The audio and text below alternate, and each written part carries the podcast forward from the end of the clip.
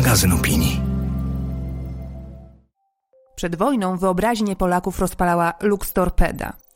Legendarny pociąg rozpędzał się do 120 km na godzinę i był naszą dumą narodową. Dziś na wielu trasach polskie składy mogą jedynie pomarzyć o takiej prędkości. O tym, jak nam idzie nadrabianie kolejowych zaniedbań i naprawianie wieloletnich błędów, oraz o ultraszybkiej kolei próżniowej, która ponoć docelowo ma pędzić z prędkością dźwięku, porozmawiam w najnowszym, jedenastym odcinku podcastu Jak naprawić przyszłość.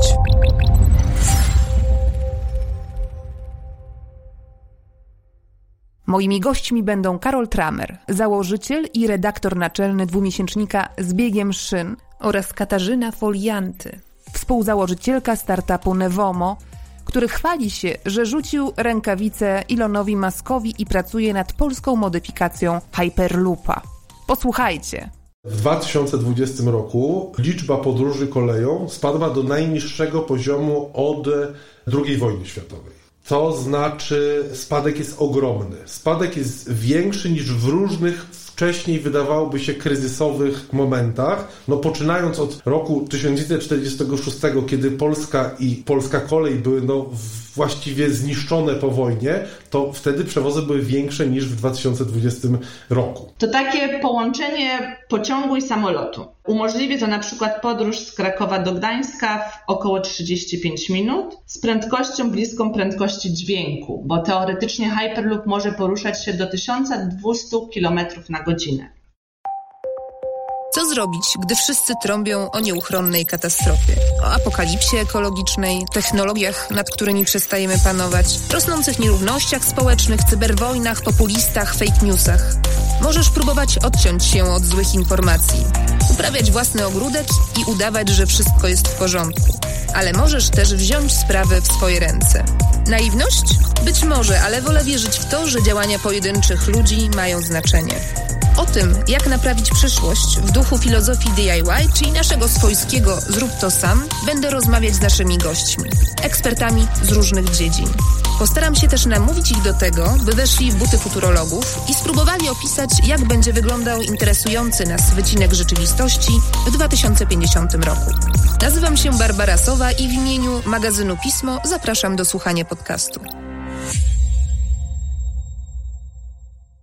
Transport ma znaczący udział w emisji gazów cieplarnianych. Przy czym kolej to zdecydowanie jeden z najbardziej ekologicznych środków transportu zbiorowego. PKP Intercity wylicza, że pociągi emitują jedną trzecią tego co samochody i jedną ósmą tego co samoloty.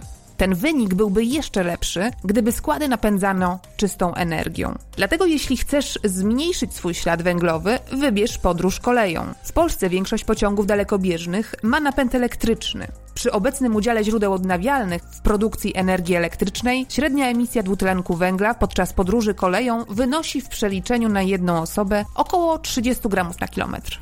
Współczesne auto osobowe emituje jakieś 120-150 gramów dwutlenku węgla na kilometr. No prosta kalkulacja pokazuje, który wybór jest lepszy dla środowiska. To dlatego koleje są w Unii kluczem do osiągnięcia neutralności klimatycznej w 2050 roku a ta zakłada ograniczenie emisji gazów o 90%. Na modernizację linii, składów i nowe inwestycje płyną do nas szerokim strumieniem pieniądze z Brukseli. Kolej jest też odmieniana chyba przez wszystkie przypadki w krajowych dokumentach strategicznych. Wydawało się więc, że jesteśmy na dobrej drodze, aby polska branża kolejowa stanęła na nogi. Ale no właśnie, zawsze jest jakieś ale. O tym porozmawiam z moim pierwszym gościem. Graliście kiedyś w planszówkę z serii Wsiąść do pociągu?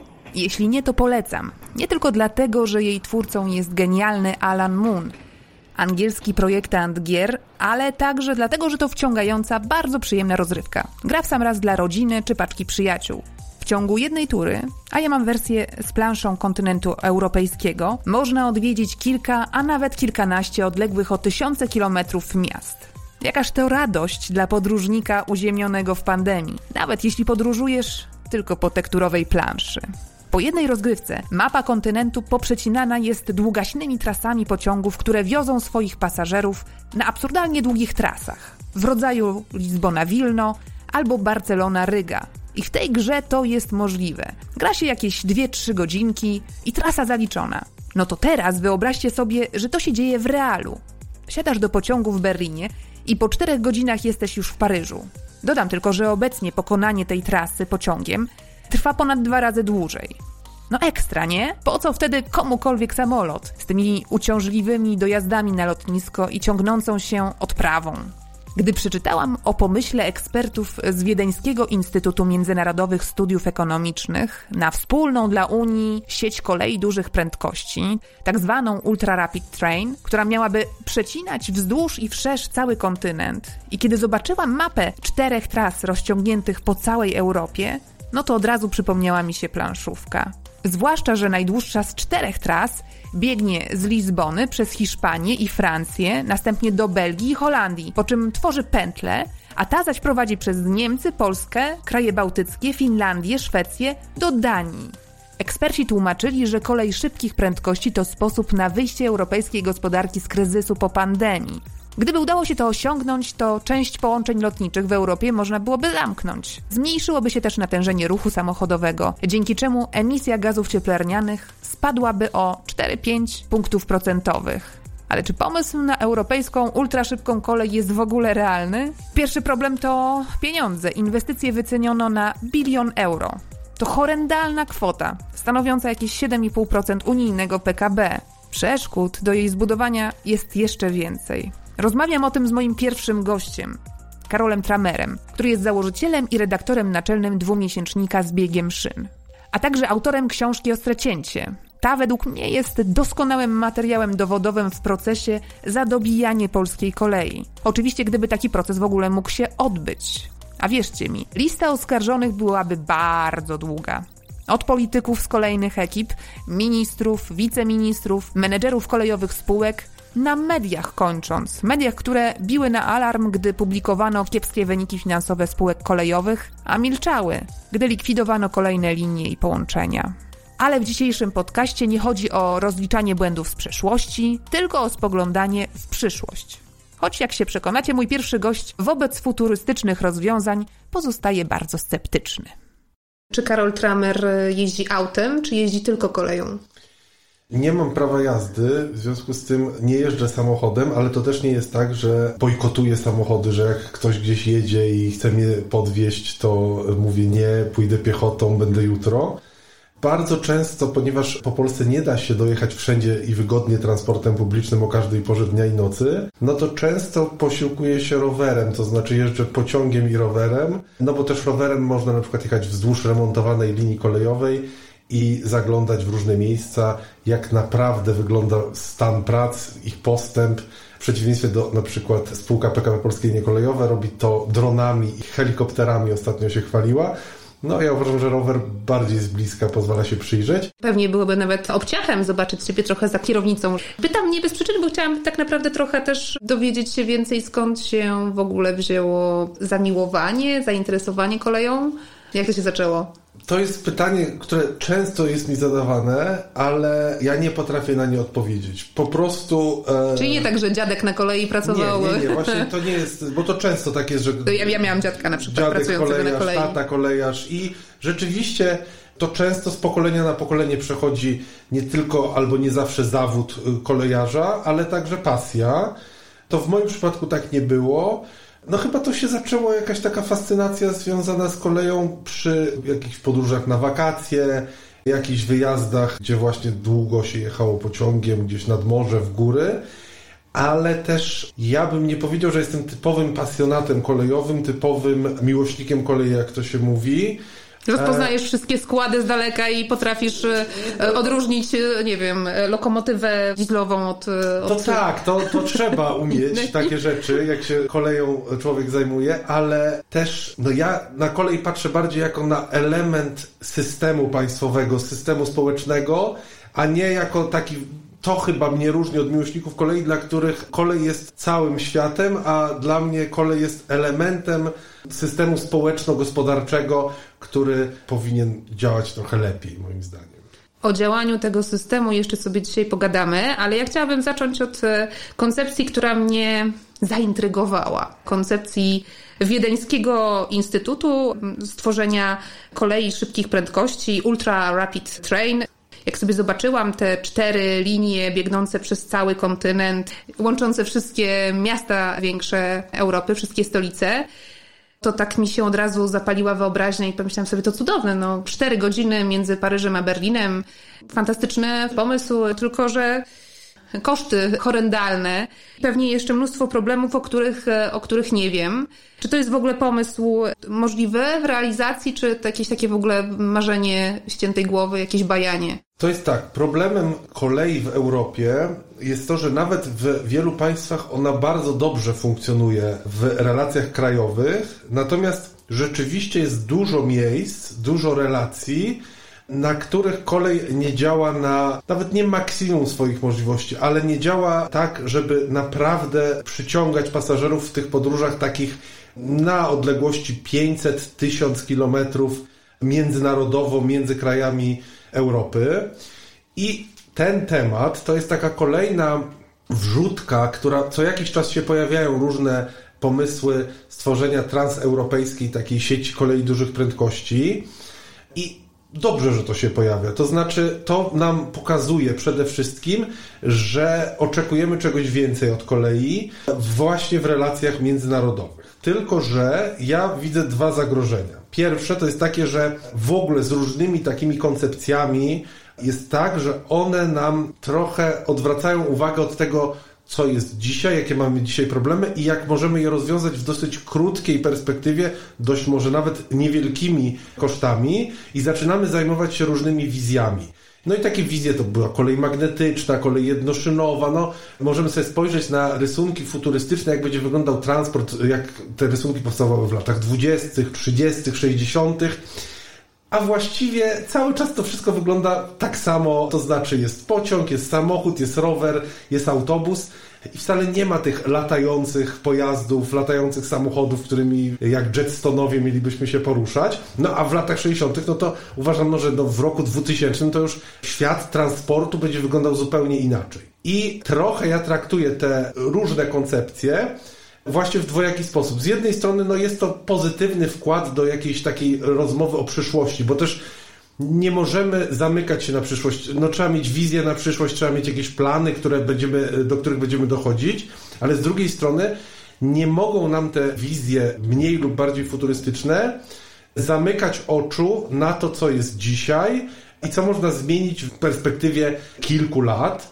No bo taka sieć super szybkich kolei nie powstanie w perspektywie kilku lat. A dlaczego? Co byłoby na przeszkodzie? No umówmy się, że ten bilion euro gdzieś udaje się zdobyć to jakie są te inne przeszkody? Oprócz oczywistej przeszkody w postaci wysokich kosztów. No przede wszystkim, no to trzeba zbudować. Różne kraje mają różne swoje pomysły. Są też, o czym zapominamy w Unii Europejskiej często, różne animozje polityczne między krajami. To znaczy niektóre kraje ciążą do innych krajów, na przykład Węgry bardziej ciążą do Polski i mówią w Polsce i w Węgrzech się dosyć dużo mówi o jakiejś linii kolei dużych prędkości, która miałaby połączyć Polskę i Węgry, a pytanie jest na przykład, jak to się będzie wgrywało w tą koncepcję. No to, to jest taki przykład, że nie zawsze to działa w ten sposób, że wszystkie kraje Unii Europejskiej dogadają się i będą na swoich odcinkach realizowały ten pomysł.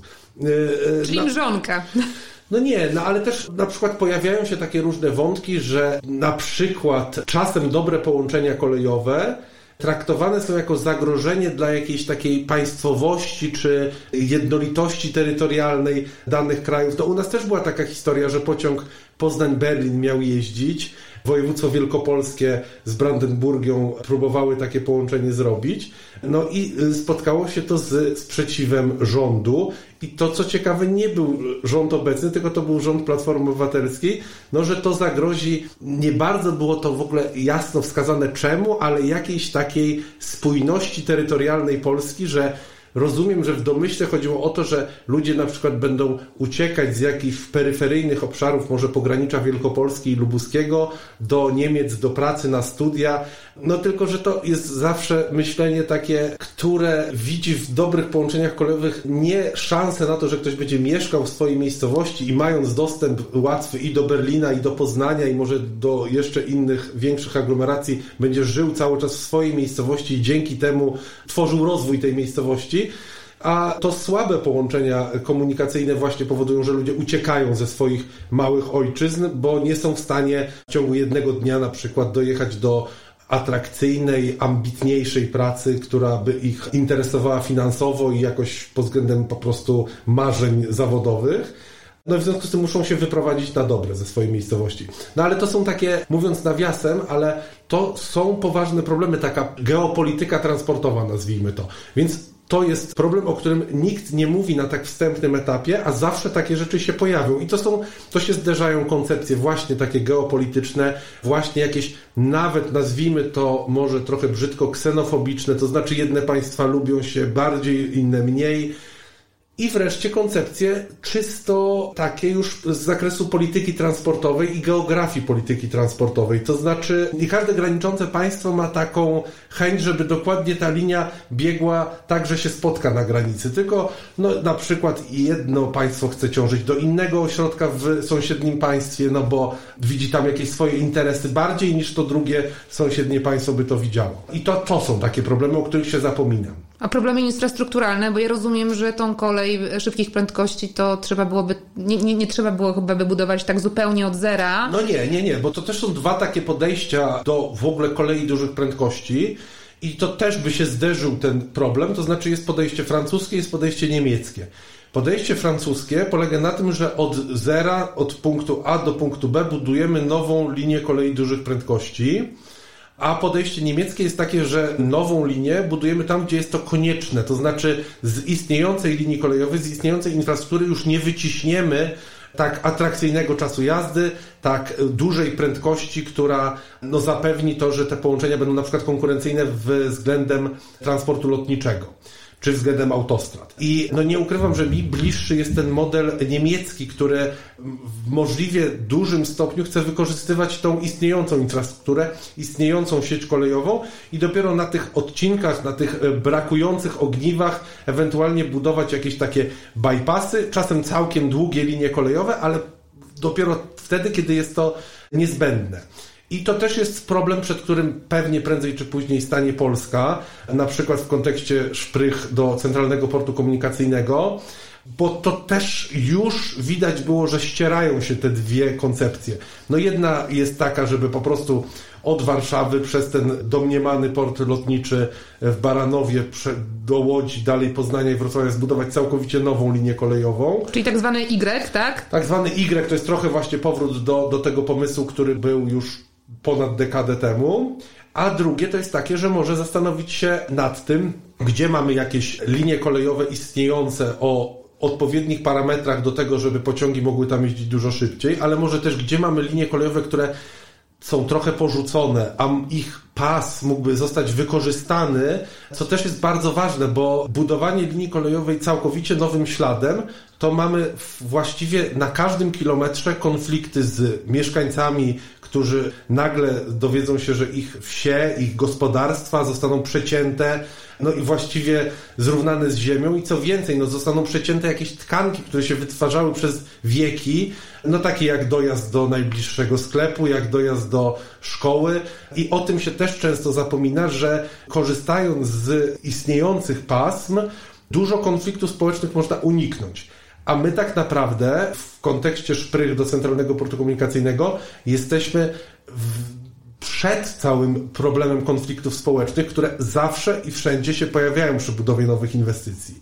I to też jest problem tej transeuropejskiej ewentualnej sieci kolejowej, to znaczy no, te konflikty też trzeba brać pod uwagę i w wielu miejscach, gdzie powstawała kolej dużych prędkości, zawsze się to wiązało z różnymi konfliktami. I, e... Czyli to nie jest tak, że mieszkańcy po prostu cieszą się, że nagle zostaną... No nie, nie, bo to, to nie też, te czasy. To też mamy problem taki, że na obszarach tranzytowych dla mieszkańców takie linie kolejowe mogą nie wiązać się z żadną korzyścią, a wyłącznie ze stratami. To znaczy, jeżeli ktoś mieszka w małej miejscowości, która ma zostać nawet nie przecięta, ale jej skrajem ma przebiec kolei dużych prędkości, no to dla takich mieszkańców, dla takiej społeczności lokalnej oznacza to wyłącznie problemy. To znaczy właśnie przecięcie lokalnych tkanek, hałas, zeszpecenie krajobrazu, no bo no nie ukrywajmy, czy jakaś estakada, czy jakieś ekrany, no to wszystko jest e, zeszpecenie krajobrazu dotychczasowego, ale pewnym sposobem na takie łagodzenie tych konfliktów, tych negatywnych,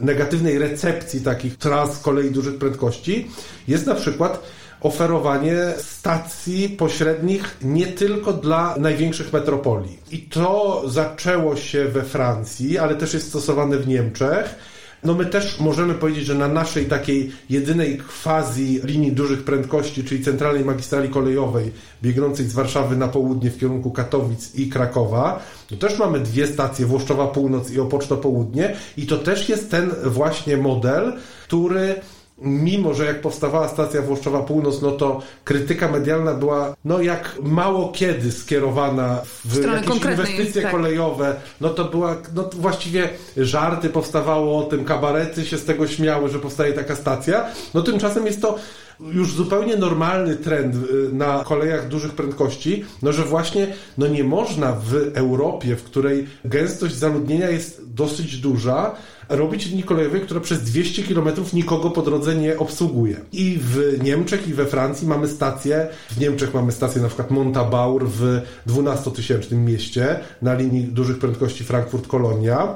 I co więcej, dlatego Montabaur to oznacza, że z jednej strony mieszkańcy tego miasta i całej okolicy mają w y, niecałą godzinę możliwość dojazdu zarówno do Frankfurtu, jak i do Kolonii, dzięki czemu nie wyprowadzają się z Montabaur, tylko żyją tam i dojeżdżają sobie codziennie do pracy w no, Frankfurt nad Menem. To właściwie jest y, europejska stolica finansowa, a cały czas żyją w swojej miejscowości. To jest jedna kwestia, ale druga kwestia jest taka, że to przyciągnęło również inwestycje na miejsce i wokół Montabaur zlokalizowały się siedziby różnych firm, no, które na przykład właśnie chciały być w połowie drogi między Zagłębiem Rury a Frankfurtem nad e, Menem.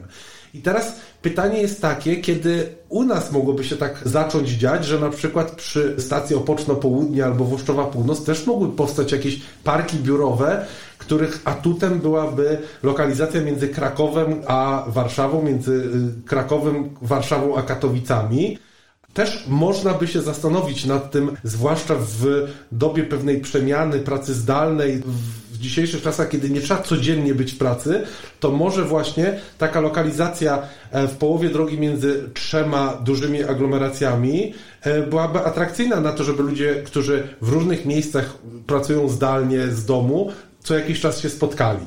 Tylko jak wybrać mniejszy punkt przesiadkowy, czy też inną no, stację? To jest, no i to jest problem. To, to, jest pytanie, ale też w kontekście przyszłości tych ewentualnych szprych, które być może kiedyś powstaną, pojawiają się kolejne takie lokalizacje. No na przykład może Wieruszów na przykład by na trasie między Warszawą a Wrocławiem stał się jakimś takim ośrodkiem, więc o takich rzeczach też trzeba myśleć, a wydaje mi się, że rzadko kto dochodzi do takiego etapu, co to będzie oznaczało dla takiego Wieruszowa, żeby taka linia kolejowa nowa nie była tworzona wyłącznie pod kątem potrzeb połączenia największych aglomeracji, tylko właśnie również wylania tego rozwoju naprawdę na takie obszary, które są często na pograniczach województw i właściwie każda stolica województwa traktuje takie obszary peryferyjne jako no jakieś takie pograniczek, do, do, którym już ma, o którym mało kto pamięta.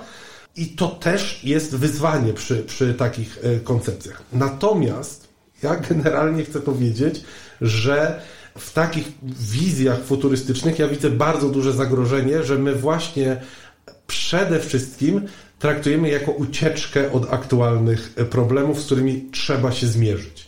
Ale wiesz, no jednak problemem aktualnym jest również dość duża powolność naszych polskich kolei. Ja już teraz z tego europejskiego podwórka zjadę do Polski i gdzieś przeczytałam, że jeśli chodzi o czas przejazdów polskiego taboru, no to my jesteśmy czasem tak naprawdę z trudem dobijamy do czasów, które osiągały koleje przedwojenne, więc, więc ten czas jest istotny, tak? Że nie tylko z punktu widzenia rozmowy w ogóle o przyszłości czy futuryzowania, bo jakby ten element futurystyczny jest ważny w moim podcaście do tego, żeby, bo jest punktem wyjścia do rozmowy o teraźniejszości, no ale to on jednak rozgrzewa wyobraźnię, no i myślenie sobie o tym, że wkrótce możemy tak pojechać pociągiem, który nie będzie wlókł się 80 na godzinę, ale jednak, nie wiem, tam 250, no to jest taka ciekawa perspektywa, nie? Tak, ale to znowu się pojawia temat 250 km na godzinę jest bardzo kuszące, ale może nie jest niezbędne do osiągnięcia atrakcyjnych czasów jazdy, bo to jest problem inwestycji kolejowych po polsku. To znaczy, ostatnio to się stało w przypadku linii Warszawa-Białystok. Podjęto decyzję, że na tych jeszcze niezmodernizowanych odcinkach prędkość będzie wprowadzana 250 km na godzinę co da kilka minut oszczędności czasu jazdy między Warszawą a Białymstokiem. Pytanie w ogóle, czy przewoźnicy będą mieli tabor, który będzie w stanie osiągnąć e, taką prędkość w chwili, gdy zakończy się już ta modernizacja w 2023 roku. Raczej nie będą mieli. I tu dochodzimy do właśnie tego zderzenia tych wizji z tą praktyką, bo znając polską szkołę tworzenia rozkładów jazdy pociągów, to nawet jeżeli ten pociąg by jechał od granicy województw mazowieckiego i podlaskiego do Białegostoku 250 km na godzinę, to możemy się spodziewać, że na przykład na wyjeździe z węzła warszawskiego będzie na przykład na stacji Warszawa Wschodnia stał 4 minuty, potem jeszcze się będzie trochę wlókł w okolicach Zielonki i utraci cały efekt, który potem będzie osiągał jadąc te 250 km na godzinę.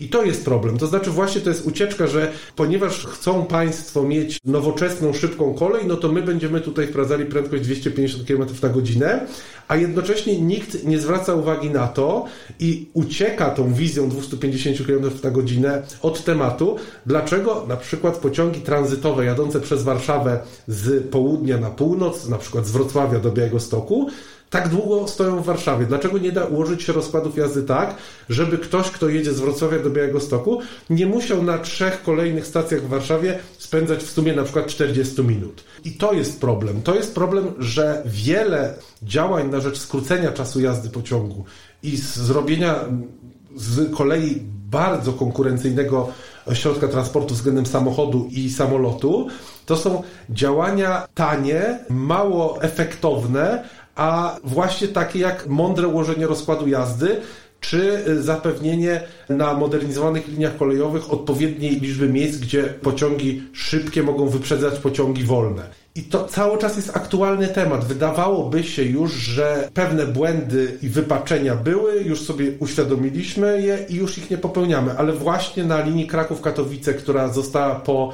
dekadzie modernizowania otwarta, no właściwie ona nigdy nie została zamknięta dla ruchu, ale tam no, ruch został ograniczony do minimum, ruch dalekobieżny unikał tej linii w trakcie modernizacji. Pociągi od grudnia 2020 wróciły, no ale na tej linii zlikwidowano cztery punkty, na których pociągi szybsze mogły wyprzedzać pociągi wolniejsze. No Czyli i co, z tego, co z tego, że jedziemy, co z tego, że jedziemy przez godzinę, tak, ta, tą trasę, jak są jak inne problemy? postój danego pociągu, czy wleczenie się za innym pociągiem jest właśnie efektem i jest to szokujące modernizacji linii kolejowej.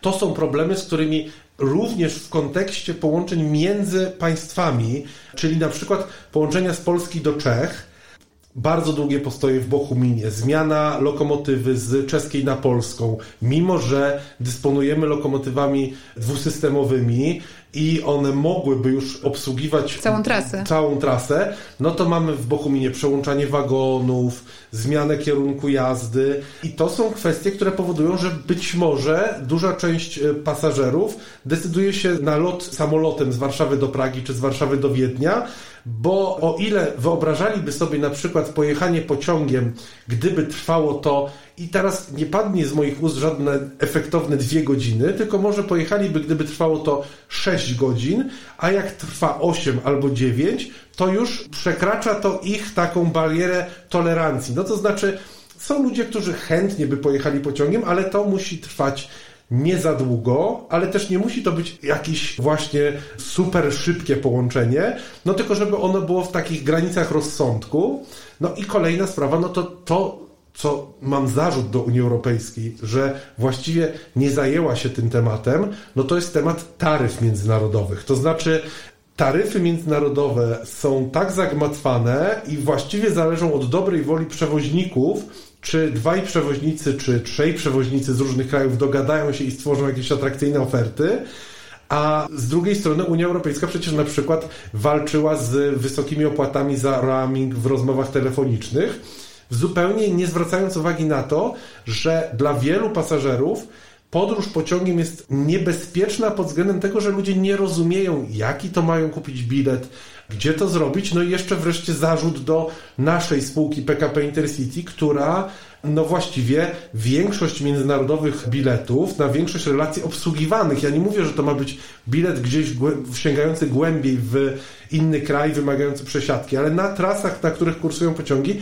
no bilet można kupić wyłącznie w kasie międzynarodowej, w kasie biletowej. W wielu miejscach w Polsce nie ma kasy biletowej. Przez internet takiego biletu nie kupimy. W związku z tym ktoś, kto na przykład chciałby pojechać pociągiem na przykład z Łap do Warszawy, tam przesiąść się na pociąg z Warszawy do Budapesztu na przykład, no to musi najpierw udać się w specjalną wycieczkę po bilet kolejowy na taką trasę. No to jest niedopuszczalne. I to powinno być w dużej mierze podlegać jakimś standardom Unii Europejskiej, właśnie żeby bilety międzynarodowe były po pierwsze atrakcyjne cenowo, to znaczy, żeby nie było tej w cudzysłowie kary za to, że pokonujemy granicę państwa pociągiem, co od razu zwiększa cenę biletu, ale także, żeby te taryfy krajowe się, że tak powiem, rozumiały. To znaczy, że ja naprawdę, żebym mógł kupić w Polsce bilet na przykład relacji Ciechanów czeskie Budejowice, bo to się zaczyna robić jakiś tor przeszkód dla pasażera, który chce pojechać z Ciechanowa do czeskich Budejowic, bo tak naprawdę musi kupić oddzielny bilet z Ciechanowa do Warszawy, oddzielny z Warszawy do Pragi, oddzielny z Pragi do czeskich Budejowic, ale nie mając dostępu do internetu na przykład i nie chcąc korzystać z strony czeskich drach, bo być może nie wie, boi się obsługi w obcym języku i tak dalej, i tak dalej, no to tak naprawdę no, musi kupować bilety w jakimiś różnych źródłach i różnymi sposobami, a no, standardem europejskim powinno być to, że czy w internecie, czy w e, kasie biletowej kupujemy bilet na całą e, relację w ramach e, Unii Europejskiej. Ale czy ty postulujesz, żeby to był taki, żeby powstała jakaś wspólna platforma? No myślę, że najlepiej by było, gdyby była wspólna platforma, ale żeby każdy przewoźnik miał, że tak powiem, był, był ten jego system sprzedaży był po prostu nakładką na tą platformę, żeby też nie dodawać tak naprawdę kolejnego sposobu zakupu biletu, czy kolejnego wymogu, że no tu jest podróż międzynarodowa to już przez platformę, a tu podróż niemiędzynarodowa to przez stronę czy w kasie biletowej naszego przewoźnika. Dla osób, które mieszkają przy granicy, no mieszkańcy na przykład południowo-zachodniej części województwa śląskiego masowo pracują w kraju morawsko-śląskim w Czechach. Mamy ludzi w, na zachodnich kresach Polski, którzy pracują w e, miastach byłego NRD. I takich miejsc w Europie jest coraz więcej, że ludzie dojeżdżają do pracy za granicę. Dla takich ludzi to też jest być albo nie być, na przykład być albo nie być pod względem tego, żeby oni skorzystali z kolei, a nie z własnego samochodu, na przykład zakup biletu miesięcznego na trasę przekraczającą granicę. No, to jest jakiś kosmos w dzisiejszych warunkach. No kosmos, nie... a jednak dużo łatwiej chyba do, łatwiejszy do przeprowadzenia niż no, zbudowanie właśnie, właśnie do tego, No właśnie, i do tego dążę, żeby zakup biletu miesięcznego na przykład na relację Szczecin-Greifswald albo Rybnik Ostrawa, żeby zakup takiego biletu miesięcznego był czymś prostym i oczywistym, no chociażby na tyle jak zakup biletu miesięcznego Rybnik Katowice. Ultra Rapid Train to miała być taka odpowiedź e, na, na kryzys popandemiczny. I ja tak się zastanawiam, czy są już jakieś raporty i czy już wiadomo, jak bardzo pandemia pogłębiła wykluczenie komunikacyjne w Polsce. Wróćmy na to nasze polskie podwórko. No tak, no mieliśmy problem taki w Polsce, znaczy mamy taki problem, że w 2020 roku liczba podróży koleją spadła do najniższego poziomu od II wojny światowej. To znaczy spadek jest ogromny. Spadek jest większy niż w różnych wcześniej wydawałoby się kryzysowych momentach, no poczynając od roku 1946, kiedy Polska i polska kolej były no, właściwie zniszczone po wojnie, to wtedy przewozy były większe niż w 2020 roku. I na to wpłynęło wiele czynników. Po pierwsze, to, że ludzie przestali dojeżdżać do pracy. Według danych GUS-u 4 miliony ludzi przeszło z pracy w biurze do pracy w domu. Młodzież do szkół przestała dojeżdżać. Studenci, to bardzo wierna e, grupa klientów kolei, też odpadła w związku ze zdalnymi zajęciami. No i to bym powiedział, to są takie czynniki zewnętrzne, z którymi no, nawet trudno było coś zrobić. zrobić.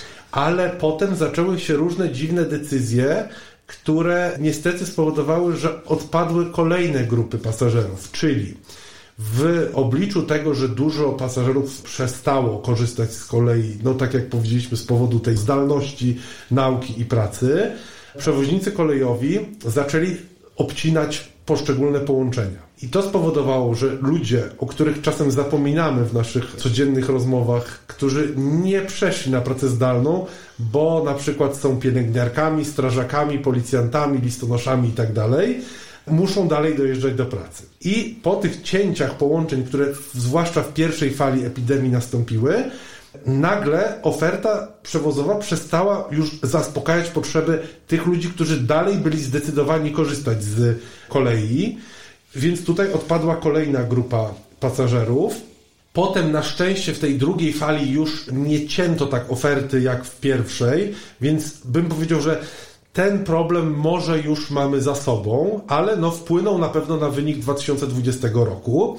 Pytanie, czy wpłynie na wynik w kolejnych latach, bo ja się zastanawiam, na ile pandemia i to, co się wydarzyło, jeszcze mocniej osłabiła popyt na przejazdy kolejowe w Polsce i tak już mocno osłabiony. Zresztą piszesz o tym bardzo ciekawie w książce Ostre Cięcie, gdzie pokazujesz nie tylko przykłady takich właśnie absurdów czy mm, błędów decyzyjnych likwidacji e, linii, ale też wygaszania popytu, tak? Takiego mhm. po prostu no, skandalicznego zachowania polegającego na tym na celowym odstraszaniu. Trochę mieliśmy pasażerów. teraz do czynienia z tym, no właśnie w tym, w tym wątku likwidowania połączeń z powodu znacząco zmniejszonej liczby pasażerów zaczęto odstraszać kolejne grupy pasażerów, ale to niestety nie jest koniec tych działań, które wpłynęły na to, że ten wynik był tak słaby. Może jeszcze chcę wrócić do tego obcięcia oferty, które spowodowało, e, już tak skupiając się wyłącznie na tych epidemicznych e, kwestiach, było to trochę kuriozalne. To znaczy, w wielu miejscach Polski oferta transportu publicznego i kolejowego, i autobusowego została albo bardzo przerzedzona, albo w ogóle całkowicie na jakiś czas zawieszona. Są nawet linie, na których połączenia do dzisiaj nie wróciły po likwidacji połączeń w marcu 2020 po wprowadzeniu stanu epidemii. No mamy linię na przykład z Sierpca do Torunia. Tam z powodu epidemii, bo to była taka linia studencka, więc tłumaczono, że no na czas zdalnych zajęć studenckich pociągi zostały wycofane i one do dzisiaj nie wróciły na tą linię. I co to spowodowało? Na takich ciągach, gdzie oferta przewozowa została drastycznie ograniczona, ludzie, którzy mogliby w bezpieczniejszych warunkach przestronnego pociągu dojechać do pracy, zostali zmuszeni do dogadywania się w swojej miejscowości, żeby wspólnie w pięć osób korzystać z samochodu, żeby dojechać do miasta. Czyli osoby z pięciu różnych domów, jadące do pięciu różnych zakładów pracy, nagle zaczęły na przykład przez godzinę siedzieć stłoczone w jednym samochodzie osobowym. No i o tym nikt nie myślał, podejmując takie decyzje, że z punktu już widzenia tego czysto epidemicznego, to jest bardziej niebezpieczne niż jazda pociągiem. No w ogóle historia o tym, jaki to transport publiczny jest niebezpieczny, to jest oddzielny temat, jak politycy, rzecznik rządu straszyli transportem publicznym, niemalże pokazując go jako jakąś maszynę do zakażania koronawirusem, no jakby najbardziej niebezpieczne miejsce. I to też pewnie część ludzi odstraszyło od y, podróży koleją. Ale teraz mamy jeszcze takie y, kuriozum, które cały czas obowiązuje, to znaczy limit 50% miejsc w pociągach. I o ile w ruchu regionalnym czy lokalnym nawet możemy powiedzieć, że jest to trochę martwy przepis, o tyle w ruchu dalekobieżnym jest to regulowane miejscówkami. To znaczy na pociągi można kupić tylko miejscówki na 50% miejsc siedzących w pociągu. I jaki jest efekt tego w praktyce? W praktyce efekt jest taki, że na przykład na takich stacjach jak Ziembice, Strzelin, gdzie nie ma kasy biletowej i wielu, wielu innych stacjach w Polsce, są ludzie, którzy nie korzystają z internetowych zakupów biletu, więc tak zawsze robili, że przychodzili na stację, wsiadali do pociągu i kupowali u konduktora bilet. W najgorszym razie wiązało się z tym, że mieli tak zwaną miejscówkę bez wskazania miejsca, no czyli jechali na stojąco. I teraz mamy codziennie w Polsce na kilkudziesięciu stacjach kolejowych w Polsce ludzi, którzy przychodzą na pociąg, chcą do niego wsiąść i tak jak zawsze kupić bilet, na co konduktor im mówi, że w tym pociągu już nie ma miejsc, bo limit się wyczerpał. I ludzie z walizkami, chcący dojechać do rodziny, do pracy na tydzień e, i tak dalej, ze swojej miejscowości, zostają na peronie. No i to jest bardzo niebezpieczne zjawisko, które no, pogrąża zaufanie do kolei na wiele lat. No i to są działania, które niestety mogą przynieść dużo bardziej dalekosiężne efekty niż sam okres tego kryzysu epidemicznego. Zwłaszcza, że to zaufanie do kolei i popularność kolei w Polsce też nie było jakieś szczególnie wysokie. Jak widziałam porównania, które mówiły o tym, że Statystyczny Niemiec podróżuje trzy razy częściej koleją niż Polak. Jakoś e, mam wrażenie, że od e, paru lat mówi się dużo o tym, że należy modernizować, że kolej jest jakby takim no przecież najbardziej ekologicznym środkiem transportu i że powinniśmy tych pasażerów zachęcać, no ale zachęcać, ale jak? No właśnie niestety epidemia przyszła w czasie, kiedy kolej zaczęła być już na takim dosyć pewnym trendzie po odbiciu od dna. To znaczy, najgorsze wyniki e, przewozowe były w 2005 roku. I potem to tam falowało, trochę rosło, trochę spadało, ale od 2014 roku mieliśmy stabilny wzrost, no taki rokrocznie o kilkanaście milionów tych podróży było więcej. No i niestety epidemia to bardzo brutalnie przerwała. Rzeczywiście na tle Europy Polska no dopiero odbudowywała swoją kolej, odbudowywała potencjał tej kolei. No w porównaniu na przykład z takimi krajami, no w Austrii, która jest e, dużo mniejsza od Polski, przewozy koleją były, i mówię o stanie przed epidemią, czyli do 2019 roku, jak porównamy sobie dane statystyczne, no to w Austrii przewozy koleją były takie same jak w Polsce, która jest jednak no, jednym z największych europejskich państw. No ale to jednak Austria wprowadziła bilet klimatyczny za jedno euro dziennie, czyli no po prostu też e, aktywnie bardzo zachęca. Tak, tak? ale też Niemcy, które są dwukrotnie ludniejsze od Polski, miały przewozy na poziomie prawie dziesięciokrotnie większym niż Polska. I to wszystko powinno nas w Polsce skłaniać do zadania sobie pytania, dlaczego tak się dzieje myśmy bardzo rzadko docierali do odpowiedzi, dlaczego tak się dzieje, a ona jest dosyć prosta, to znaczy, no właśnie, bo tam jeździ dużo pociągów, a u nas jeździ mało pociągów. U nas jest bardzo dużo linii, gdzie pociągów jest 4 dziennie, 6 dziennie, podczas gdy w Europie standardem tworzenia oferty przewozowej jest regularność od świtu, od 4 rano do północy, pociągi przynajmniej raz na godzinę kursują. Na bardzo lokalnych liniach, na takich słabo zaludnionych obszarach co dwie godziny. To jest coś, co pozwala kolei zbliżyć się do tej elastyczności, którą daje samochód, bo po pierwsze, na kolei w urzędach marszałkowskich, które odpowiadają za koleje regionalne, zapomina się, że kolej ma tak naprawdę jednego konkurenta. Jest to samochód, bo autobus czy rower, czy tramwaj w mieście, to nie są konkurenci kolei, tylko to są tak naprawdę elementy tego samego systemu. To znaczy, jeżeli ktoś jest pieszym, jeżeli ktoś jeździ na rowerze, jeżeli ktoś jeździ tramwajem, to on też być może prędzej czy później wsiądzie do pociągu. A samochód jest takim konkurentem. Nie zapominajmy o tym, że dużo ludzi też dojeżdża samochodem do stacji kolejowej i widać coraz więcej samochodów przy przystankach kolejowych, ale jednak jest to konkurent, który ma taki atut, że do samochodu można wsiąść wtedy, kiedy ma się na to ochotę i pojechać. Kolej w związku z tym powinna myśleć o całej ofercie przewozowej tak, żeby to było jak najbardziej porównywalne z tą elastycznością samochodu, Czyli, no Europa już to dawno wymyśliła, czyli ten kurs co godzinę, równiutko to jest, w ogóle te rozkłady jazdy pięknie wyglądają, że od rana od 4.47 na przykład do 0.47 przez e, niemalże całą dobę te pociągi idealnie co godzinę, co 60 minut odjeżdżają. I to powoduje, że ktoś, kto ma różne potrzeby, to znaczy czasem jedzie do pracy na siódmą, czasem na dziewiątą, potem w następnym tygodniu na drugą zmianę na czternastą, to zawsze wie, że ten pociąg regularnie jedzie. I to jest go w stanie skłonić do tego, żeby zrezygnować z samochodu. I co więcej, jak jest atrakcyjna oferta przewozowa, to właśnie samochód zaczyna być tylko środkiem transportu, który ma dowieść ludzi do najbliższej stacji kolejowej. No ale w Polsce jest tak, że właściwie, jeżeli ktoś mieszka poza największymi aglomeracjami, chce pracować, kształcić się i korzystać z dóbr kultury, no to nie jest w stanie tego zrobić bez samochodu, ale to nie jest europejski standard. Bardzo lubię, chociaż jest to oczywiście przykład e, absurdalny, e, przykład tym razem z książki Olgi Gitkiewicz, która opisała historię z Wielbarka gdzie zainwestował w modernizację linii kolejowej właściciel, e, jedna ze spółek córek Ikei. I oni włożyli kupę pieniędzy w to, żeby pracownicy nowo powstałego, czy też już działającego od kilku lat tartaku mogli dojechać pociągiem do pracy, zainwestowali w modernizację linii. No wszystko się odbyło z pompą.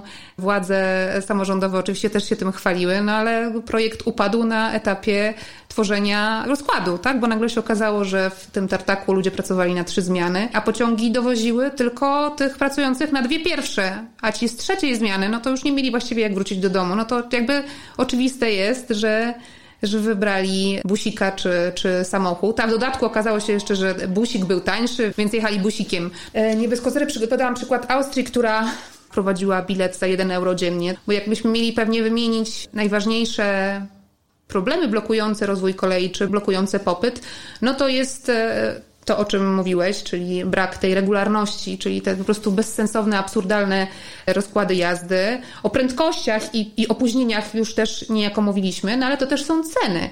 Kolej wcale nie jest w Polsce aż tak konkurencyjna, zwłaszcza kiedy jedziesz sobie na wakacje z dzieciakami i masz zapłacić na przykład za pendolino, który cię zawiezie nad morze, to nagle okazuje się, że taniej cię wychodzi jednak pojechać samochodem. Pytanie, czy na przykład w tej materii jest jakieś pole do zmian?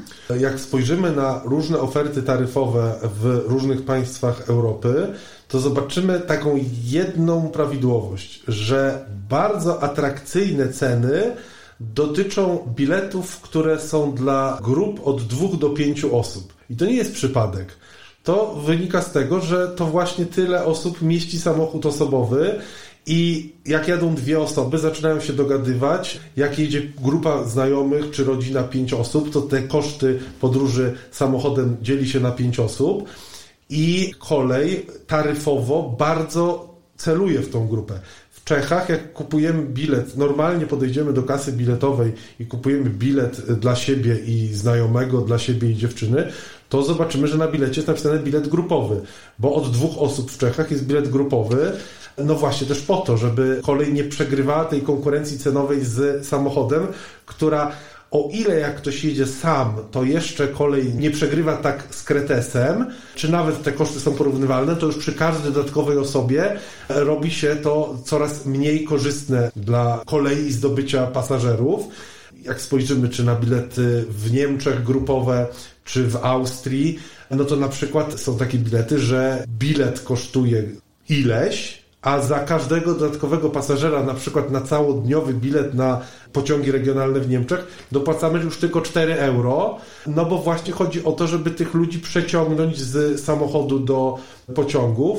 Czy właśnie w Austrii też jest taki bilet od dwóch do pięciu osób całodniowy, można jeździć po całej Austrii. No i to o to chodzi. To znaczy, no właśnie ktoś sobie jasno uświadomił to, z czym my mamy problem. To znaczy, że głównym zagrożeniem utraty pasażerów, główne zagrożenie to jest samochód. Po prostu to też nie chodzi o to, żeby mówić, że samochody są złe, kolej jest ekologiczna, bo to jednak nie przemawia na ludzi tak, jak atrakcyjna cena. I rzeczywiście, jak się słyszy, ile ludzie zapłacili za podróż e, rodziną, której nawet przysługują pewne zniżki rodzinne, za podróż na wakacje, no to to są mrożące krew w żyłach stawki. I tu jest pole do popisu. Też na przykład przewoźnicy regionalni, niektórzy mają w swojej taryfie takie tańsze bilety przy podróżach od dwóch do kilku osób ale no, główny nasz przewoźnik PKP Intercity właściwie nie ma żadnej oferty dla małych grup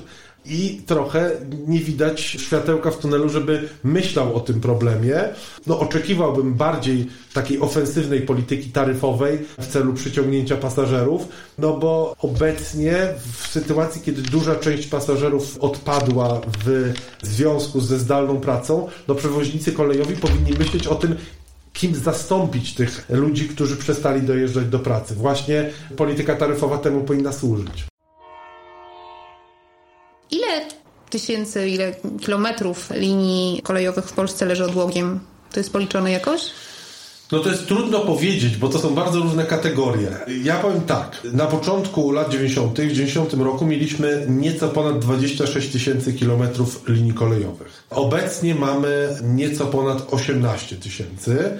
No czyli zlikwidowaliśmy sobie jedną czwartą sieci kolejowej, ale to 18 tysięcy kilometrów to wcale nie jest tak, że to są linie, po których jeżdżą pociągi, a nawet linie, po których mogą jak nie dziś, to jutro pojechać pociągi, bo mamy w tych 18 tysiącach kilometrów linie, które są czynne tylko w ruchu towarowym, mamy linie, które są nieprzejezdne i nie są w stanie być przejezdne w perspektywie no nawet miesiąca, bo na przykład brakuje na nich torów, rosną drzewa, ale są oficjalnie w tym zasobie linii kolejowych. No i mamy linie, które są po prostu w bardzo złym stanie. Tak więc, no mniej więcej myślę, że z tych 18 tysięcy kilometrów ponad regularny ruch pasażerski odbywa się, mówię z dużym zastrzeżeniem, tak szacując, na około 14 tysiącach kilometrów. No czyli mniej więcej połowa sieci kolejowej z początku lat 90. jest wykorzystywana w codziennym ruchu pasażerskim. No ale tu jeszcze pojawia się wątek, na ile ten codzienny ruch pasażerski jest w ogóle atrakcyjny. To znaczy, czy tam jeżdżą trzy pociągi dziennie, czy na przykład jeździ pociągów 30 dziennie. No bo to też jest kolejne pytanie, bo też myśląc o wykluczeniu transportowym, coraz częściej o tym mówiąc i bardzo dobrze, że ten temat wreszcie przebił się do mainstreamu, zapominamy, że sam fakt, że linia kolejowa gdzieś przebiega i nawet kursują po niej pociągi, nie znaczy, że tam wykluczenia transportowego nie ma, bo jeżeli mamy linię kolejową, na której pociąg jedzie o 7, 14 i 18, to taka częstotliwość, taki układ kursowania oznacza, że jest tam na obszarach przeciętych tą linią kolejową dużo osób, którym ta kolej nic nie daje pod względem na przykład dojazdu do pracy. Ja lubię taki przykład Olsztyna i tego, że ostatnie pociągi z Olsztyna na linie wybiegające z tego miasta rozjeżdżają się przed 21. No tymczasem w samym Olsztynie mamy kilkanaście sklepów Biedronka, które są czynne do około 22, ostatnio nawet dłużej. I mamy dużą grupę ludzi pracujących w tych sklepach, mieszkających w odległości mniejszej lub większej od Olsztyna i dla nich fakt, że linia kolejowa startuje w mieście, w którym oni pracują i przebiega przez miejscowość, w której oni mieszkają, przy braku pociągu po 22, po 23 oznacza, że dla nich kolej tak naprawdę nie oferuje nic, i nie istnieje. I oni dalej muszą korzystać z własnego samochodu, dogadywać się w kilka osób i dojeżdżać. I to jest też problem, z którym no, musimy się zmierzyć. To znaczy, w Europie kolej jeździ do bardzo późnych godzin wieczornych. U nas to właściwie ma miejsce tylko na liniach wybiegających z największych mhm. aglomeracji. I to też nie jest wcale tak, że z tych największych aglomeracji też te pociągi odjeżdżają bardzo późno, no bo rzadko się zdarza pociąg odjeżdżający po północy z jasne, któregoś jasne, dużego miasta. Jasne. A w Niemczech na przykład pociąg po północy z, z, dużego miasta, ale także ze średnich miast, to jest już standard. To znaczy, chodzi o to, żeby ta kolej zaspokajała potrzeby nie tylko jakichś wybranych grup, tylko możliwie wszystkich grup i zaliczamy do tego nie tylko pracowników, którzy kończą pracę o 22 czy na przykład o 23 w restauracji, ale także ludzi, którzy chcą pójść do teatru i po teatrze sobie wrócić do miasta oddalonego 40 km od tej stolicy województwa, stolicy regionu. Wykluczenie komunikacyjne i walka z wykluczeniem komunikacyjnym było takim jednym z flagowych haseł E, obecnej ekipy rządzącej. I pojawiły się programy. Kolej Plus, pojawił się cały program przedwyborczy Andrzeja Dudy o przywracaniu czy też budowaniu nowych przystanków I rzeczywiście parę tych programów ruszyło, zostały przeznaczone duże środki, jest to 110 miliardów bodajże, tak? Chyba do wydania na, do 2023 roku. Ale ja, ja się zastanawiam, na ile te działania to jest kontynuacja tej no niezbyt rozsądnej modernizacji, tak byśmy to bardzo delikatnie określili, którą obserwujemy przez ostatnie lata, a na ile to są działania, które rzeczywiście mogą przynieść realne korzyści. Jak to oceniasz, ten kolej plus na 5 plus czy na dwóje na szynach? Na to trzeba spojrzeć z dwóch perspektyw. Politycznej, i politycznie Prawu i Sprawiedliwości należą się brawa za te wszystkie programy, za Fundusz Rozwoju Połączeń Autobusowych, za Kolej Plus, za program przystankowy. Dlaczego należą się brawa? Bo jest to pierwsza partia polityczna w Polsce, która zrozumiała, że ludzie potrzebują transportu publicznego. I co było charakterystyczne? Jak został zapowiedziany ten Fundusz Rozwoju Połączeń Autobusowych, to w partiach opozycyjnych dało się słyszeć, e, czy na Twitterze, czy gdzieś, takie śmieszki, że no przewracają PKS-y, to jeszcze PGR-y niech przywrócą. I to pokazało rozdźwięk między Prawem i Sprawiedliwością, które świetnie wyczuwa, bo ma, no Prawo i Sprawiedliwość słynie z swoich badań fokusowych i to nie jest tak, że jak Prawo i Sprawiedliwość mówi o tym, że odbuduje kolej, przywróci autobusy, to to jest czyjeś widzimisię. To wyszło w badaniach fokusowych, że ludzie tego oczekują.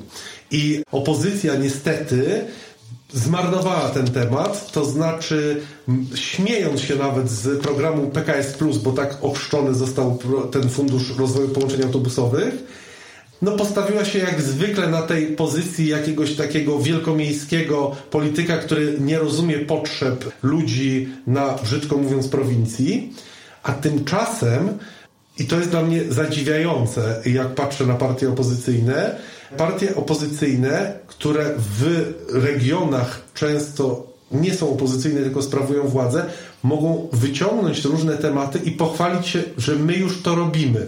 I to, że to się nie pojawiło, na przykład w obliczu programu Kolej Plus, trzy samorządy, Wielkopolski, Lubuski i Dolnośląski, mogły pokazać, że my już program Kolej Plus realizujemy bez wielkiego nadęcia.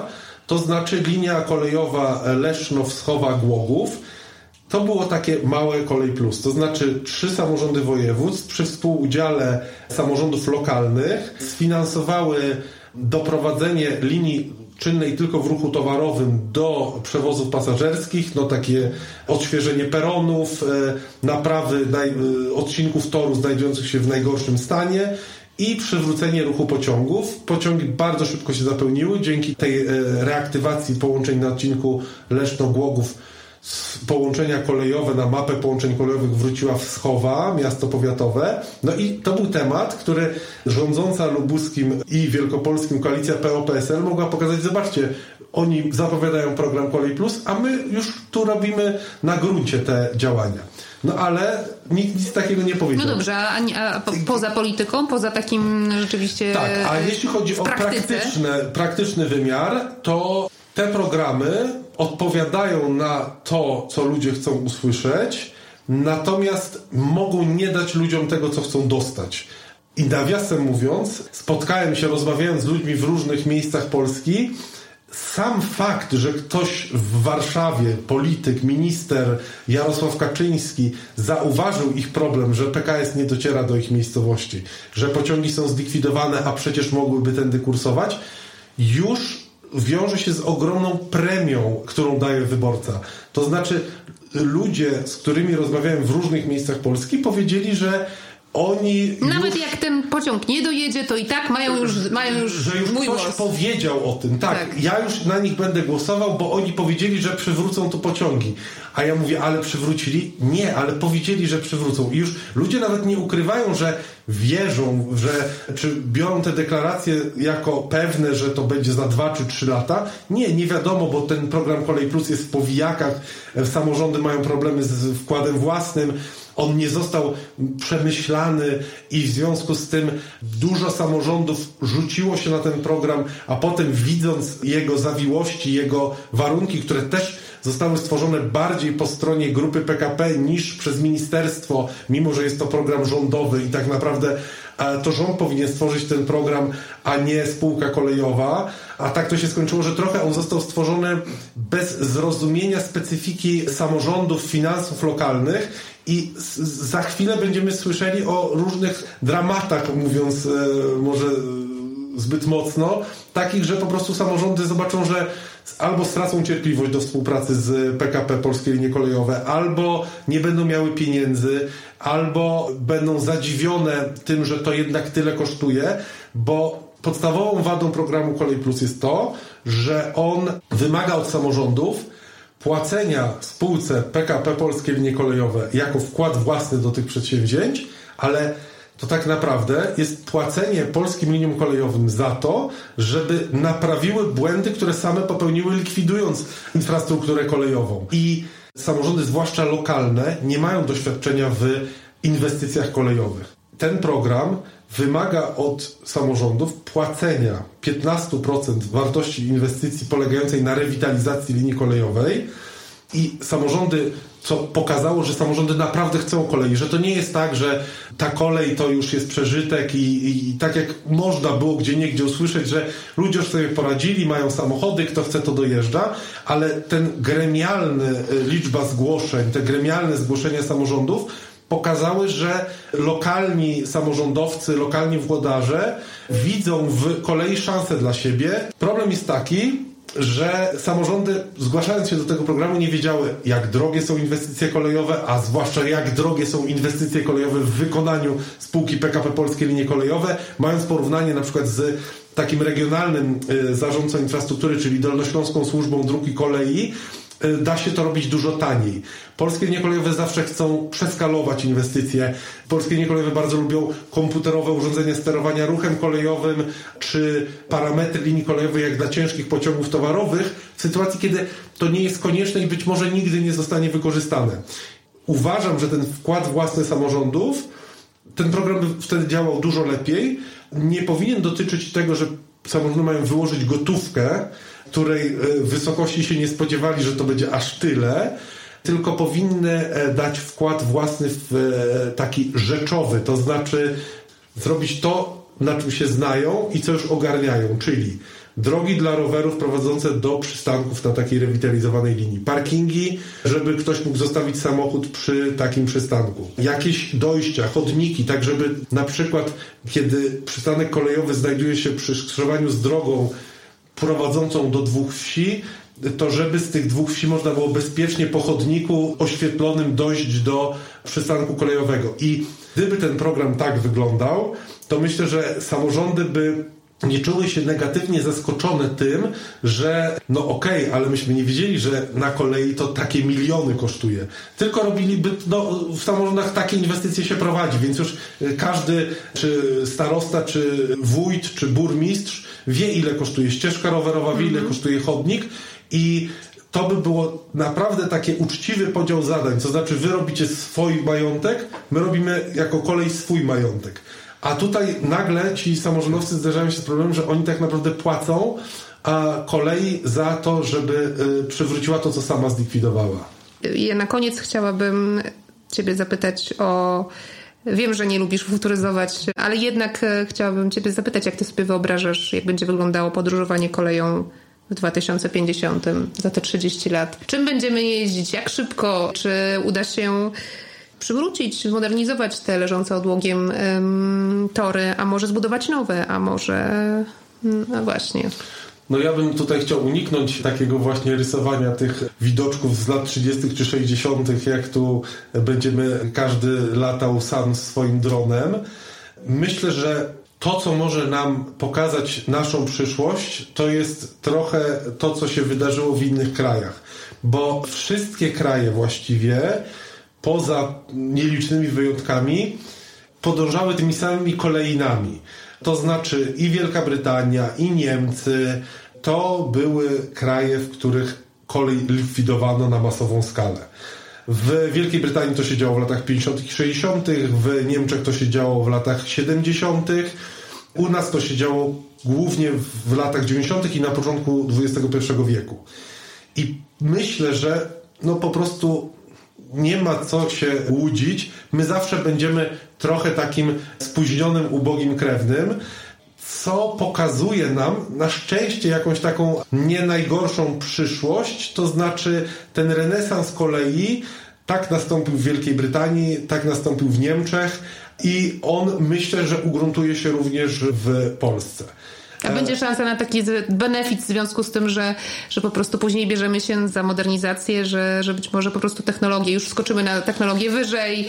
Nie? Ja wiem, że zawsze kuszące dla, dla takiego spóźnialskiego jest ta tak zwana renta spóźnialskiego, Właśnie. że on już sobie wszystko tutaj zobaczy, kto popełnił jakie błędy, ale niestety my za bardzo, nie, nie mówię my jako Polacy, tylko my jako ludzie nie bardzo umiemy się uczy, uczyć z cudzych i wyciągać wnioski z cudzych błędów. I co więcej, no e, trochę spoza kolei, ale przykład e, elektromobilności pokazuje nam, że trochę zbyt entuzjastycznie podchodzimy do tych nowinek, a nie staramy się najpierw przyjrzeć, co jak działa. Czyli raczej e... Hyperloopa się w Polsce nie spodziewasz? No ja się nie spodziewam, ale może będę musiał przeprosić, nie wiem, czy twórców, czy wizjonerów Hyperloopa, że nie wierzyłem w nich ale też jeśli chodzi o transport y, publiczny w ogóle, kolej też temu podlega. Obecnie mamy wojnę różnych podmiotów, które tworzą ekologiczne systemy transportowe, wodór, napęd elektryczny. I naprawdę już są, jest wojna na raporty, które trochę nie wiadomo kto finansuje, że tu jest gaz, to jest najekologiczniejszy. Zaraz jest raport inny, że gaz jest nieekologiczny, tylko prąd. Potem wodór. Są jakieś takie niejawnie sponsorowane teksty na ten temat. No jest bardzo dużo się teraz No i właśnie, z tym wodorem to coś jest na rzeczy, czy nie jest na rzeczy? Ale Bo właśnie... no dobrze, no skoro jesteśmy jednym z największych eksporterów tego wodoru, to może warto. Może warto, tylko że problem jest taki, że my znowu zachłystujemy się nowinkami, wodór, elektromobilność, a to tak naprawdę z punktu widzenia ekologii, z punktu widzenia przyjazności środowisku, to nie ma tak ogromnego znaczenia, czy ten autobus jest napędzany ropą, czy jest autobus napędzany energią elektryczną.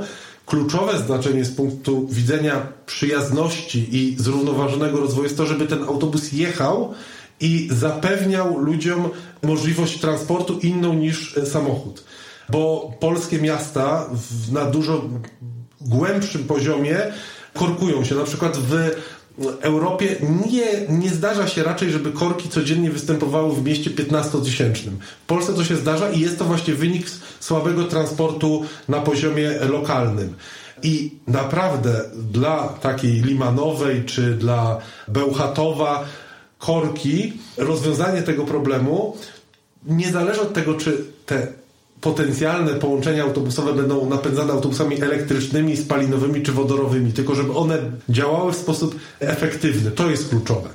Na przykład w Warszawie teraz elektromobilność wygląda tak, że autobusy elektryczne muszą cały czas zjeżdżać z pętli do zajezdni, żeby się podładować, bo jeszcze nie zdążono uruchomić ładowarek na pętlach. Więc tak naprawdę mamy teraz taki przejściowy okres, kiedy te autobusy elektryczne jeżdżą na pusto i są właściwie najmniej efektywnym środkiem transportu autobusowego, mniej efektywnym niż te napędzane na y, silnik spalinowy. A też pamiętajmy, że obecnie są wyśrubowane normy Unii Europejskiej, silniki Euro 6, więc to też nie jest tak, że ten autobus spalinowy to jest jakiś truciciel powietrza. I oczywiście ja nie mówię, że nie interesujmy się wodorem, nie interesujmy się elektromobilnością, tylko róbmy to tak, żeby nie prowadziło to do takich kuriozalnych sytuacji, kiedy ekologiczny autobus, ten taki czysto ekologiczny, jest droższy w eksploatacji i przez to obcinana jest e, siatka połączeń, żeby utrzymać te droższe w eksploatacji na tym wstępnym, takim trochę prototypowym etapie autobusy nie, nie zachłystywałbym się każdą nowinką, tylko trochę bym się przyjrzał, jak to działa i na przykład z punktu widzenia przedsiębiorstw komunikacji miejskiej, przedsiębiorstw kolejowych, oczekiwałbym od producentów, no żeby oni udostępniali takie e, pociągi, takie autobusy na testy, a nie, że od razu każą nam to kupować w dużej liczbie.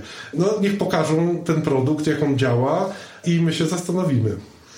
Jak myślisz, ile osób będzie jeździło, ilu Polaków będzie jeździło koleją za 30 lat? Mam nadzieję, że za 30 lat to już będziemy wspominali epidemię jako tylko jakiś koloryt, który no, był, ale już nie mamy z tym nic wspólnego. Mam nadzieję, że żadne inne kryzysy się nie pojawią, a może dzięki temu się nie pojawią, że zaczniemy poważnie myśleć o kolei, o transporcie publicznym jako tej alternatywie dla transportu samochodowego, no, który jednak czy z punktu widzenia emisji, czy z punktu widzenia zajmowania cennej przestrzeni, która może być wykorzystywana jako przestrzeń aktywna przyrodniczo, no mam nadzieję, że koleją będzie jeździło więcej ludzi, na tyle, no żeby w tych porównaniach europejskich, no nie wypadać jako jakiś taki kraj, który tą kolej niby ma, ale mało kto z niej korzysta. No tylko, że to też jest taka spirala, to znaczy, jeżeli na poważnie zaczniemy rozwijać kolej, to będzie z niej korzystało dużo ludzi, a jeżeli dalej to będzie tak trochę po łebkach stosowane, no że będą piękne deklaracje, jak to rozwijamy kolej, odbudowujemy, ale będziemy zapominali o tym, że przede wszystkim ta kolej musi działać i dobrze funkcjonować i właśnie takie rzeczy jak bilet, jak przesiadka, jak skomunikowanie pociągów są nie mniej ważne niż wielkie inwestycje, które po części w wielu miejscach też owszem trzeba zrealizować. No i tego sobie wszyscy chyba życzmy jako pasażerowie kolei. Przyszli, obecni. Bardzo dziękuję za rozmowę. Dziękuję bardzo. Jak naprawić przyszłość? Jak słyszeliście, mój pierwszy gość, Karol Tramer, wobec nowinek technologicznych jest bardzo ostrożny i nie dał namówić się na rozmowy spod znaku science fiction, ale ja z tego elementu oczywiście nie zrezygnowałam. No bo przecież co jak co, ale to właśnie te futurystyczne wizje najlepiej przemawiają do naszej wyobraźni i w pewien sposób dużo mówią nam o tym, co jest teraz. Dlatego o to, jak może wyglądać kolej za 20-30 lat, zapytałam mojego drugiego gościa, a właściwie gościnie. Katarzyna Folianty jest współzałożycielką startupu Nevomo. Odpowiada tam za architekturę i marketing. Nevomo, wcześniej znany jako Hyperpoland, pracuje zaś nad polską wersją Hyperloopa. Hyperloop to koncepcja stworzona przez Ilona Maska kilka lat temu, natomiast nasz startup pracuje nad jego modyfikacją. Co to takiego w ogóle jest Hyperloop i jakie ma szanse komercjalizacji, powodzenia w kraju, w którym przecież kolej notuje rekordowe opóźnienia, a wszelkie modernizacje i remonty trwają latami? No już nie mówiąc o taborze, który wciąż pozostawia wiele do życzenia. Posłuchajcie. Hyperloop to jest nowy środek transportu, który umożliwia przemieszczanie się osób, raczej będzie umożliwiał, bo jeszcze nie ma żadnej trasy otwartej, przemieszczanie się osób i ładunków z bardzo dużą prędkością. To takie połączenie pociągu i samolotu. Umożliwi to na przykład podróż z Krakowa do Gdańska w około 35 minut z prędkością bliską prędkości dźwięku, bo teoretycznie Hyperloop może poruszać się do 1200 km na godzinę teoretycznie na linii prostej. To jest wtedy możliwe. Oczywiście każdy zakręt, tak samo jak w przypadku kolei, nieznacznie tą prędkość może zmniejszyć. Polski wariant, który myśmy nazwali Magrail, zajmujemy się tym od blisko trzech lat i jest to kolej magnetyczna, ale my nie mamy rury próżniowej, która w Hyperloopie istnieje. Czyli w Hyperloopie sama kapsuła, ten pojazd porusza się w specjalnej rurze, w której ciśnienie jest tak niskie, jak na wysokości 10 km. Dzięki temu znacząco zostaje zredukowany opór powietrza. My w naszym pierwszym kroku do Hyperloopa, czyli w tej kolei magnetycznej e, typu Magrail, pozbyliśmy się na razie tej rury. Chcemy przystosować do tego systemu obecną infrastrukturę kolejową. I ten pojazd typu Magrej bez tej rury próżniowej na istniejącej infrastrukturze kolejowej może poruszać się z prędkością nawet do 550 km na godzinę. Co jest ważne, po tych samych torach mogą poruszać się zamiennie zarówno tradycyjne pociągi, jak i pojazdy nasze typu Magrej. No dobrze, no ale to w takim razie jaki jest koszt przystosowania takiej infrastruktury? Czy wy macie jakieś wyliczenia, szacunki mówiące o tym, jaki to byłby wydatek, jakiego rzędu? Mniej więcej szacunki pokazują nam, że koszty budowy, przebudowy tego istniejącego torowiska byłyby mniej więcej pomiędzy 6 a 8 milionów euro za kilometr bieżący. I są to koszty znacznie niższe niż na przykład jak to ma w przypadku budowania kolei dużych prędkości, gdzie potrzebna jest tak naprawdę nowa infrastruktura. Do tego dochodzi także pozyskanie terenu pod te inwestycje, co jest dość dużym problemem. Czyli tak naprawdę my możemy zapewnić modernizację kolejowej infrastruktury przy znacznie niższych kosztach budowy, ale także utrzymania. I celujemy, że około roku 2024-2025 będziemy w stanie przeprowadzać już pierwsze pilotaże. W tym roku na wiosnę rozpoczynamy budowę toru testowego w Polsce. Tor będzie liczył 500 metrów i w czasie testów pojedzie nim wózek czyli sama dolna część pojazdu, zbudowana w skali 1 do 1. Plan jest taki, żeby pojazd rozpędził się na tym odcinku do 130-150 km na godzinę. W 2025 firma planuje pilotaże już na istniejących torach, ale do tego jeszcze bardzo daleka droga. O przeszkodach i wyzwaniach, jakie twórcy startupu muszą pokonać, by ich wizja nabrała realnych kształtów, moglibyśmy pewnie rozmawiać długo. Ale ten odcinek i tak jest najdłuższy w historii, jak naprawić przyszłość. Zresztą Nevomo nie ukrywa, że rozwój tej technologii potrzebuje dużego wsparcia i współpracy na europejskim poziomie. Teraz na przykład lobbuje z podobnymi startupami z Europy na rzecz stworzenia jednolitych ram formalnych rozwoju Hyperloopa w Unii. Trzymam kciuki, no bo to nie będzie na pewno łatwe. Co mnie zaskoczyło, to jednak informacja, że nad Magrailem pracuje obecnie 40 osób.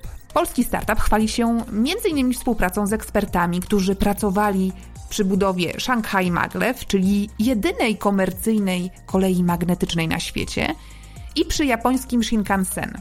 Bo gdy myślimy o ultraszybkiej kolei, która bije rekordy prędkości, to właśnie Japonia, obok francuskich TGV, jako pierwsza przychodzi mi do głowy. Francuski pociąg linii TGV już w 2007 roku pobił rekord prędkości, rozpędzając się do 574 km na godzinę. Kolejowego rekordu prędkości od kilku lat broni zaś właśnie Japonia, a to za sprawą zaawansowanej technologii lewitacji. Lewitacji magnetycznej. Japoński ultraszybki pociąg zwie się maglev i jego wyróżnikiem jest długaśny, przypominający trochę spłaszczony kaczy dziób, front lokomotywy. Zamiast sunąć po torach, dzięki poduszkom magnetycznym skład unosi się kilka centymetrów nad ziemią. No skojarzenie z polskim magrailem było oczywiste. Czym różnią się obie technologie? Oba systemy wykorzystują lewitację magnetyczną, ale różnica polega na tym, że w systemie maglev, który istnieje w Szanghaju i obecnie zbudowany w Japonii, ta lewitacja magnetyczna jest aktywna i to jest największy koszt. W naszym systemie Magrail ta lewitacja jest pasywna. Co to znaczy? Polega to na tym, że pojazd przy uzyskaniu danej prędkości sam się uno zaczyna unosić. Nie potrzebuje dodatkowego źródła energii w tym celu. Przez to jest to znacznie tańsze. Poza tym system maglev używa także nowej infrastruktury, czyli tutaj znowu mówimy o budowie nowych linii a Magrail może jeździć po istniejącej infrastrukturze kolejowej.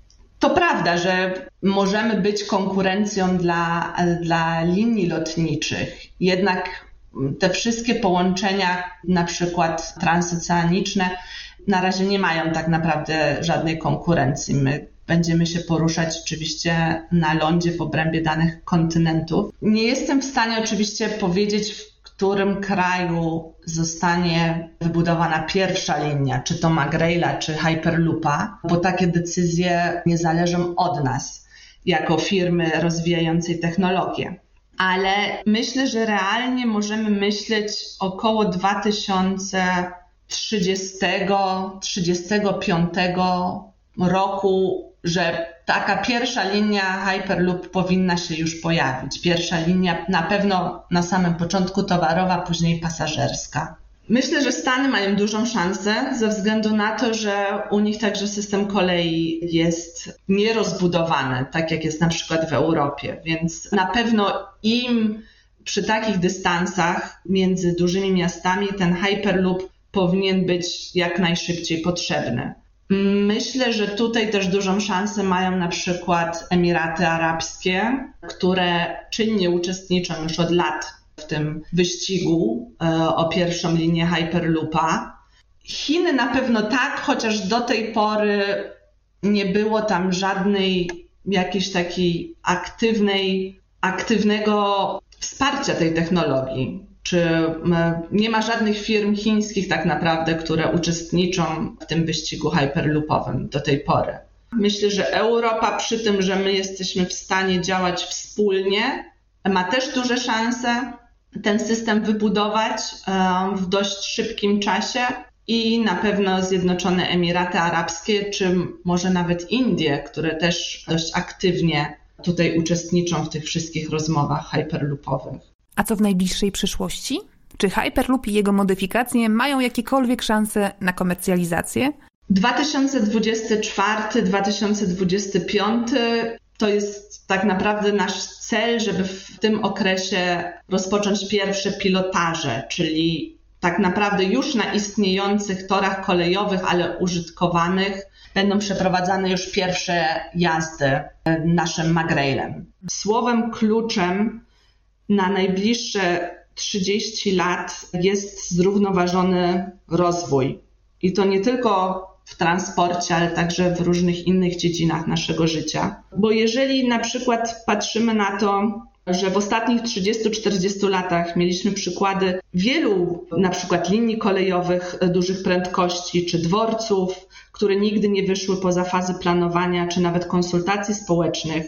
Mieliśmy kolej typu maglev, która nigdy nie została zbudowana w kraju macierzystym. Czy nawet teraz obecnie trwające te dyskusje nad tymi taksówkami powietrznymi, to jeżeli tym systemom transportowym, tym nowym pomysłom nie uda się zintegrować z tą wielowiekową tkanką miejską i aspektami kulturowymi, to one nie znajdą akceptacji ani mieszkańców, ani decydentów. Polacy uwielbiają samochody i trochę tutaj wydaje mi się, że problemem także jest, może nie problemem, ale wyzwaniem jest tak naprawdę mentalność w Polsce jest naprawdę bardzo dużo za, e, zarejestrowanych samochodów przypadających na 100 tysięcy mieszkańców w porównaniu na przykład z Berlinem w Niemczech, gdzie ich jest znacznie mniej i ludzie tutaj są już przystosowani do tego, że, że nie, nie za każdym razem trzeba pojechać do sklepu samochodem, tylko można to zrobić też rowerem, który posiada koszyk. Czy można skorzystać na przykład z car sharingu, czyli wypożyczania tych samochodów, które znajdują się na mieście. Polska musi do tego dojrzeć, żeby ilość tych samochodów w miastach znacznie ograniczyć, bo same przepisy tutaj nie pomogą. Myślę, że w 2050 według mnie będzie dużo różnych rozwiązań, które pozwolą nam na połączenie tego transportu pomiędzy transportem dalekobieżnym i tym na średnich dystansach oraz tym przy ostatniej i pierwszej mili. Myślę, że Hyperloop ma ogromną szansę zająć tutaj dominującą pozycję właśnie przy tym transporcie długodystansowym, a w miastach myślę, że może domino dominować usługa współdzielenia przejazdów czyli tak zwany ride sharing. To są już rozwiązania, które są dostępne w niektórych krajach, na przykład w Niemczech, w poszczególnych miastach. Działa to trochę na zasadzie taksówki, ale taksówki, która zabiera na danej trasie kilku pasażerów, którzy są ze sobą nie, niepowiązani. Czyli na przykład, jeżeli ja bym chciała pojechać z Bielan na Mokotów w Warszawie i przejeżdża ta taksówka przez centrum miasta, a w centrum może czekać kolejny pasażer, to ona się zatrzymuje, zabiera tego innego pasażera i wszyscy razem jedziemy na ten Mokotów. W ten sposób koszty e, są współdzielone. I oczywiście używamy wtedy mniejszej ilości samochodów, które poruszają się po miastach. I takie rozwiązania w tym momencie też będą testowane dla samochodów autonomicznych. Więc w pewnym momencie nie będzie już też tych kosztów kierowcy, które w tym momencie są dość znaczne. Ale autonomiczne auta to jest temat na kolejny odcinek.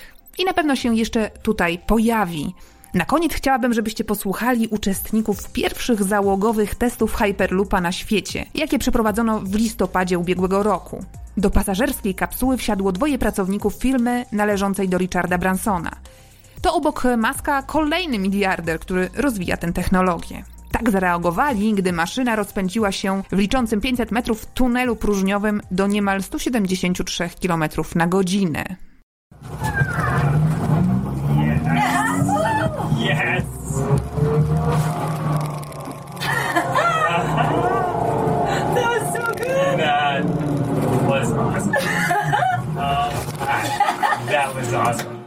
To był jedenasty odcinek podcastu Jak naprawić przyszłość. Ja się nazywam Barbara Sowa i zapraszam Was za miesiąc. Do usłyszenia w wagonie przedziale, a może w Warsie. Jak naprawić przyszłość?